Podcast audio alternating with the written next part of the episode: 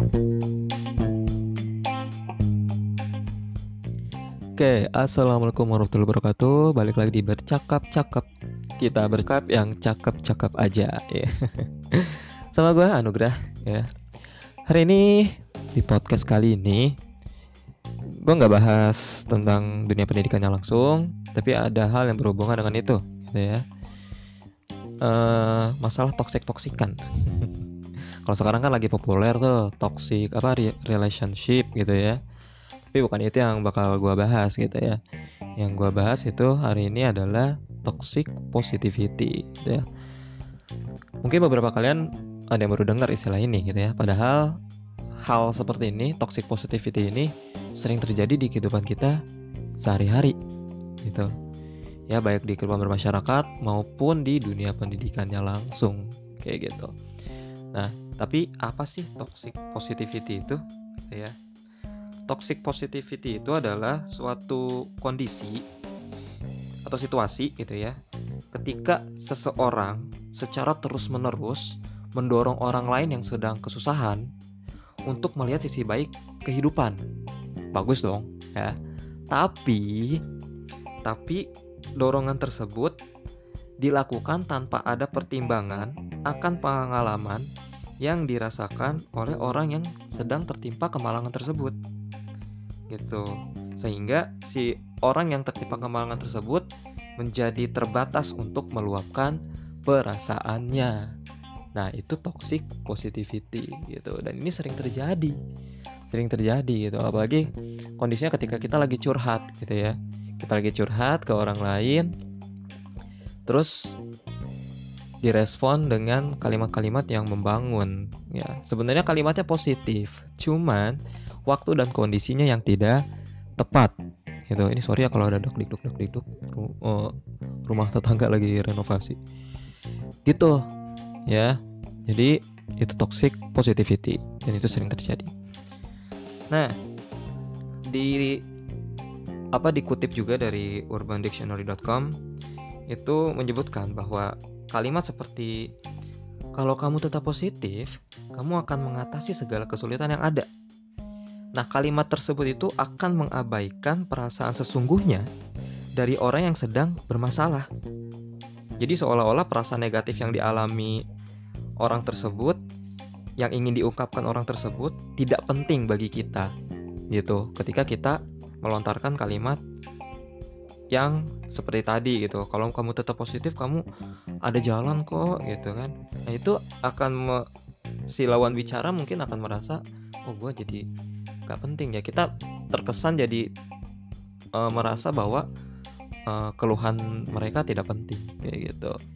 Ya padahal titik lemah orang kan beda-beda ya.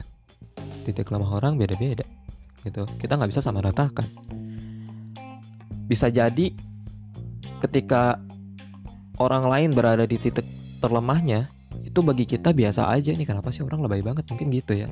Tapi bisa jadi juga ketika kita ada sedang berada di titik terlemah bagi orang lain pun itu biasa aja gitu. Ya jadi nggak bisa disamaratakan. Intinya apa? Saling memahami saling berempati kayak gitu. Nah terus apa sih contohnya uh, toxic toxic positivity ini? Gitu ya contohnya misal ya gue gue misalkan gue curhat nih masalah apa ya? Masalah utang ya masalah utang nih ya ini nih yang wow banyak sekali kasusnya gitu ya. Nah misal gue curhat nih ke temen gue gitu kan. Eh bro gue kesel banget nih. Kesel kenapa? gitu kan. Eh gue ceritain tuh. Gue kesel nih duit gue setahun belum dibalikin. Satu juta udah dikontak nggak direspon. Sekali direspon ada aja alasannya. Terus sekarang ngilang gitu orangnya. Nah gue curhat kayak gitu misalkan. Terus direspon sama temen gue misalkan. Ah lo gitu aja. Udah lama ini kan ikhlasin aja gitu kan.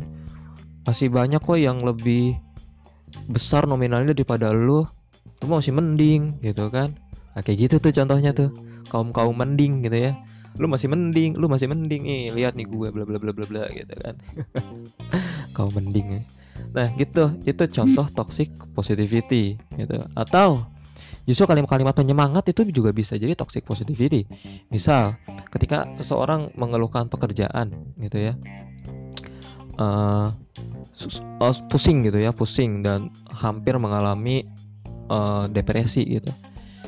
Curhat misalnya seperti itu kemudian kita respon kita respon udah gak apa-apa jangan jangan menyerah gitu ya.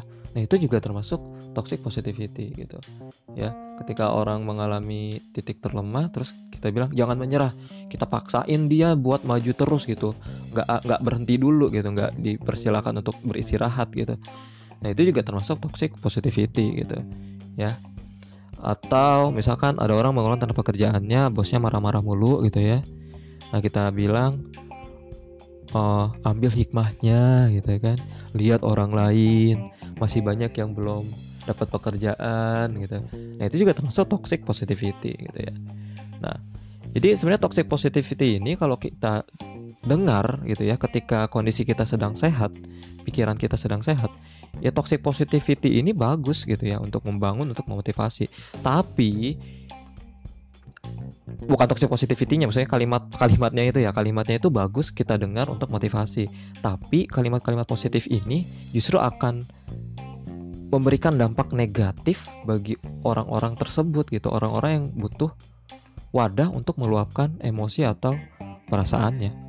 Kayak gitu. Kok bisa sih sebuah kalimat positif berpengaruh negatif gitu kan? Iya. Kenapa Ketika orang tersebut mengalami kemalangan dan ingin curhat, misalkan ingin meluapkan emosi dan amarah, eh bukan emosi dan perasaannya gitu ya. Justru malah kita tahan gitu. Eh jangan jangan jangan dikeluarin. Lihat tuh masih banyak yang lebih buruk dari lu, lebih masih banyak yang lebih kesusahan dari lu, misalkan kayak gitu. Nah, itu justru akan membuat orang itu terdampak negatif dari kalimat positif kita. Makanya disebut toxic positivity gitu. Makanya hati-hati gitu dalam memberi nasihat. Ini kan ada adabnya gitu ya. Jadi kalau kita memberi nasihat itu jangan ketika orang itu sedang mengalami kesusahan. Orang sakit dikasih nasihat, orang terkena musibah dikasih nasihat, gitu kan? Oh ini ini karena amal lu kali gitu kan? Wah itu itu sadis banget ya, gitu. Ya jadi ditahan lah gitu ada waktunya gitu kita harus bisa nahan diri gitu kita harus jadi manusia beradab lah gitu ya yang menjunjung kemanusiaan gitu. Berempati lah ya saling mema memahami kayak gitu. Itu ya. Dampaknya apa sih? Nah tuh dampak negatifnya apa sih? Dampak negatifnya ya secara medis gitu ya ketika orang menahan emosinya menahan atau memendam perasaannya secara berketerusan gitu ya dalam waktu jangka waktu yang panjang itu bisa mempengaruhi psikis dan fisik. Gitu. Kenapa? Gue tahu. Karena gue sering ke rumah sakit ya. Dulu gitu ya sering ke rumah sakit akhirnya ya tau lah sedikit sedikit tentang itu gitu. Dan gue juga pernah ngobrol sama dokternya gitu ya beberapa dokter. Bahwa ketika kita pikiran kita buruk maka psikis bahkan sampai fisik pun akan ikut terpengaruh buruknya gitu. Entah jadi sakit-sakitan entah jadi depresi, frustasi gitu ya. Ya gitu, gitu. Makanya ketika ada orang ingin meluapkan emosinya, tahanlah, jangan mudah untuk menasehati atau memberi kalimat-kalimat yang menurut kita bagus tapi justru malah berdampak negatif untuk orang yang uh, kita omongin kayak gitu gitu ya contohnya kayak tadi uh jangan nyerah lanjut aja. Gitu. Padahal orang itu butuh istirahat misalkan. Atau uh, ambil positifnya aja. Padahal biarkan dia tenang dulu gitu. Baru nanti ketika dia udah tenang udah mulai terbuka lagi pikirannya baru tuh, boleh tuh sedikit sedikit gitu ya. Jangan langsung dijeblakin gitu. Nanti bisa balik lagi bisa balik ke toxic apa positivity lagi ntar kalimatnya kayak gitu. Ya kita hati-hati lah pokoknya gitu. Intinya sih kita berusaha ini ya memahami apa yang orang lain uh, rasakan kayak gitu. Jadi terus gimana sih yang harus kita lakukan kalau kalimat-kalimat positif justru akan memberi dampak negatif di kondisi seperti itu. Nah, dalam keadaan ini, eh dalam situasi seperti itu, uh, kita bisa menggunakan kalimat-kalimat yang bersifat validasi, gitu ya. Jadi uh, solusinya seperti itu. Kita kalau dikasih nasihat atau kalimat positif malah jatuhnya toxic positivity kan malah bikin orang itu mendem perasaannya akhirnya psikisnya sampai fisiknya sakit nah solusinya adalah kita memberikan kalimat-kalimat validasi kayak gitu contohnya gimana contohnya dalam keadaan ini sepertinya sulit ya melihat hal-hal yang baik. Ya saya mencoba untuk memahami itu. Nah itu akan lebih bagus. Atau ya wajar kalau kita merasa kecewa dalam keadaan seperti ini gitu. Nah itu akan lebih bagus kayak gitu. Jadi seolah kita menjadi seperti dia. Kita berada di posisi dia gitu. Ya. Jadi jangan sampai kita kekeh di posisi kita yang merasa baik-baik saja gitu. Ya jangan sampai gitu. Dan ini pun terjadi di dunia pendidikan loh gitu ya. Ini jadi terjadi di dunia pendidikan dari guru ke murid gitu. Misalkan ada guru yang eh, ada murid yang uh, mengalami kesulitan belajar gitu ya.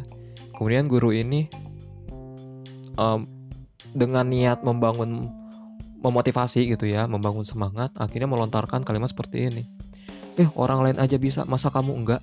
Nah itu toxic positivity juga termasuk. Gitu. Akhirnya apa? Anak stres. Anak yang harusnya bisa meluapkan uh, keluh kesahnya dikasih wadah misalkan kita beri waktu dia untuk ngobrol sama kita gitu ya. Dengerin dia dulu gitu. Malah akhirnya dipendem akhirnya stres akhirnya nggak nyaman belajar. Akhirnya komunikasi bisa menjadi buruk. Entah itu komunikasi dengan temannya entah itu komunikasi dengan gurunya. Gitu. Karena apa? Akhirnya si anak jadi nggak percaya diri. Kayak gitu. Ya. Jadi hati-hati lah ya. Kita harus tahu tempat harus tahu situasi harus tahu waktu untuk menasihati orang lain atau memberi motivasi orang lain. Gitu. Ya. Jadi ya itulah ya. Itu toxic positivity ya. Semoga bisa dipahami ya sama kalian gitu. Dan semoga kita nggak termasuk orang yang terjerumus melakukan toxic positivity ke orang-orang yang sedang membutuhkan wadah untuk meluapkan perasaannya gitu ya. Jadi itu aja sih yang mau gue sampaikan di podcast kali ini gitu ya. Kadang kita dibutuhkan uh, tidak untuk berbicara namun untuk mendengar kayak gitu. Kita pahami perasaan orang lain kita berempati itu supaya orang lain itu tenang. Nah, baru setelah itu kita bisa kasih semangat masukan di waktu yang kira-kira sudah tepat. Nah, gitu gitu kita harus hati-hati. Gitu. oke okay? ya itu aja yang mau gue sampaikan Duh ini ya sorry sorry. Ya sampai ketemu di bercakap-cakap berikutnya. Oh ya follow juga akun Instagram ya akun Instagram bercakap-cakap itu di @bercakap-cakap aja ajanya diketik ya jadi bercakap-cakap aja gitu ya ajanya diketik gitu ya. Oke, sampai ketemu di podcast berikutnya. Wassalamualaikum warahmatullahi wabarakatuh.